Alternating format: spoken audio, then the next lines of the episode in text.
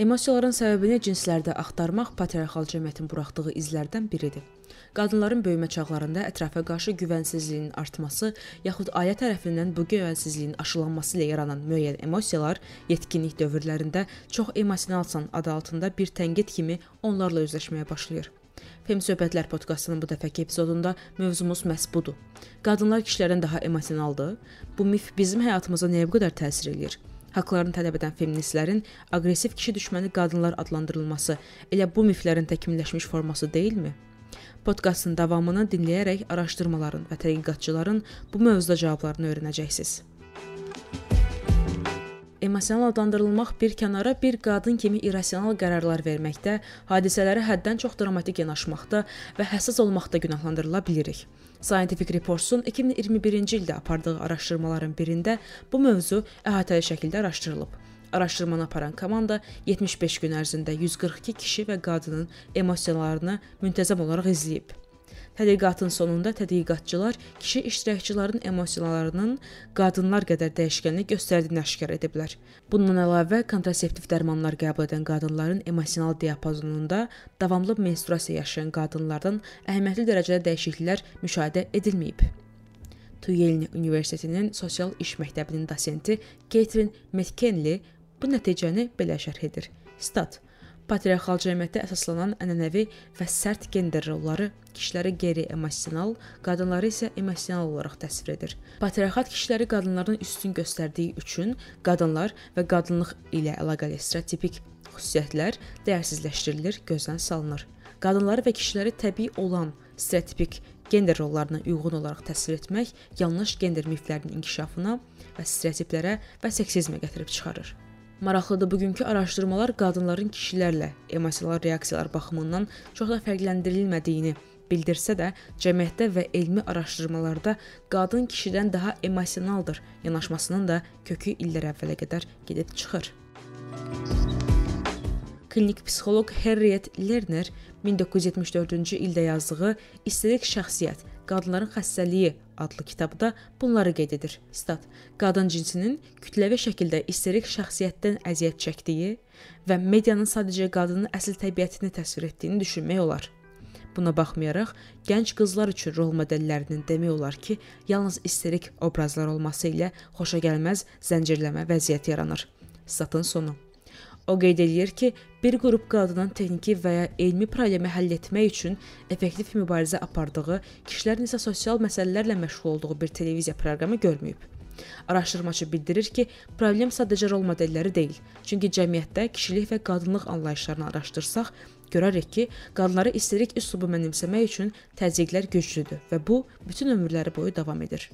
1974-cü ildə görə anlaşılan yanaşmadır, lakin Burada rol modeli və təmsilçiliyin də davam edən qadınlar isterik və emosionaldır mifinə nələr qatdığını anlaya bilirik. Bundan düz 10 il sonra psixoanalitik, ictimai fəal, feminist Jean Baker Miller qadınların mənlik hisslərinin inkişafı adlı məqaləsində emosionallıq və isterika kimi qadınlara yüklənmiş qəbahətlərin səbəblərini cəmiyyətdə qadınların yeri ilə əlaqələndirir. Millerin əlaqə nəzəriyyəsi qadınlarda mənlik təcrübəsinin ilk növbədə cəmiyyətdə güc sahibi olmadıqlarına görə dərin əlaqələr qura və davam etdirə bilmək ətrafına təşkil olunduğunu müdafiə eləyir. Sosiallaşma baxımından isə qadınlar başqaları ilə əlaqə qurmaq, bu əlaqələri dəyər mənbəyi kimi qorumaq və özlərini insanlarla münasibətlərinə əsasən dəyərləndirmək kimi vərdişlərə yiyələniblər. Yiyələnməkdən başqa isə əlbəttə özlərini yalnız bu cür təsdiq edə biləcəklərinə inanıblar, yaxud inandırılıblar. 1976-1992-ci illər arasında qələmə alınmış bir çox məqalədə müəlliflər qadınların dostluq əlaqələrinin kişilərə nəzərən daha güclü olduğunu düşündüyünü vurğulayır. Həmin dövrdə aparılan araşdırmalar göstərir ki, qadınlar kommunikasiya qabiliyyəti əsasında dostluqlarına daha səmimi və açıq olduqlarına inanırlar. İnsan psixologiyası və feminist psixologiya üzrə araşdırmaların müəllifi professor Stefani Sheltsin emosiya psixologiyasında cins məqaləsinə diqqət edək. O özünün dərk proseslərində cinslərə fokuslanan inancların bizə təsirindən danışır. Stat. Yaşadıqlarına reaksiya verən qadınlar, qadınam, qadınlar emosionaldır, ona görə də emosional ola bilərəm deyə düşünərkən, kişilər mən kişiyəm, kişilər emosional ola bilməz fikrini mənimsəyirlər. Statın sonu. Amma onu da qeyd etmək lazımdır ki, emosiyalarımızın aktivləşdiyi vaxtlarda cinslərə uyğun inancları nəzərə alaraq reaksiya vermək vərdişi azalmağa doğru gedir. Belə ki, artıq bizi əhatə edən faktorlara əsasən reaksiya vermək ehtimalı daha yüksəkdir. Bu halda isə cinsimizin cəmiyyətin cinsi əsaslarla yaratdığı miflərin önəmi qalmır.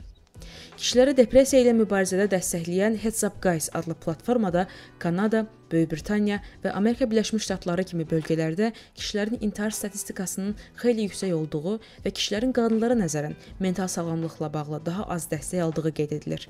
Belə ki, Kanada və ABŞ-da intihar 50 yaşdan aşağı kişilərin ikinci ölüm səbəbidir. Böyük Britaniyada isə bu kişilər üçün tək və ən böyük ölüm səbəbidir. Bəs depressiya necə?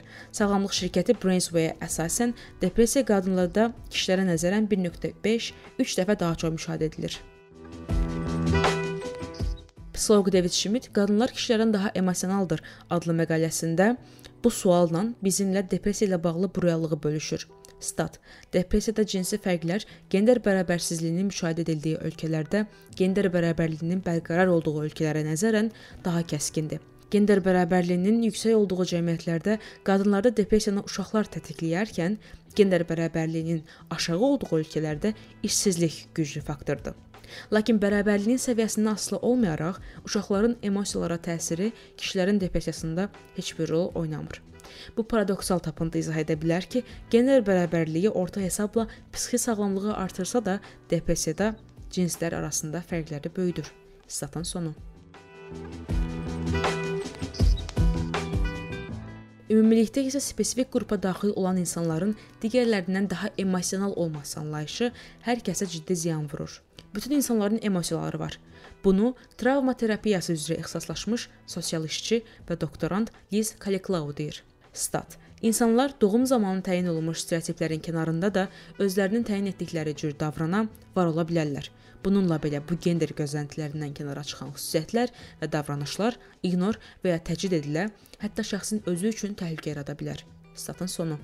İndividualın özünü cins stereotiplərinə uyğunlaşdırması şəxsin böyümək və özünü ifadə etmək qabiliyyətini məhdudlaşdırır. Kaliklauya görə bu qadınların güc və imkanları məhdud çıxışına, kişilərin isə hisslərinin sağlam ifadəsini boğmasına və dərin əlaqələri minimuma endirməsinə səbəb ola bilər. Stat. Qadınların emosional olmasına icazə verilir, lakin eyni zamanda düzgün emosiya növü və səviyyəsini nümayiş etdirilməlidirlər. Ağlamaq məqbuldur, qəzəb isə yox. Statın sonu.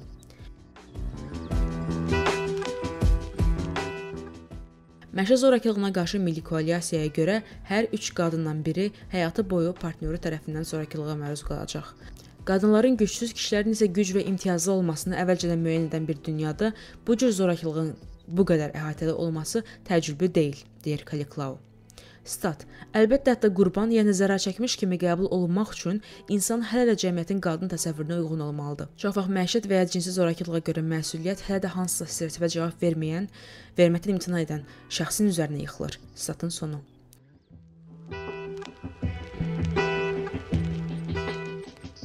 Qadınların emosiyalarına dair araşdırmaları yalnız hormonlarla əlaqələndirmə və bir növ qadınlar emosionalda çünki hormonları belə istəyib deyərək onları günahlandırmaq daha asan bir versiya olduğu üçün illərlə araşdırmalarda və tədqiqatlarda qadınların səsinin basdırılmağı, cəmiyyətin qadınların böyüdüyü dövrdə onların emosiyalarına nə qədər zərər vurduğu ignor edilib, rədd edilib. Buna görədir ki, bu podkast epizodunda referans verdiyimiz araşdırmaçıların bir çoxu, hətta deyərdim ki, 90%-i feminist qadın psixoloqlar yaxud sosial işçilərdir.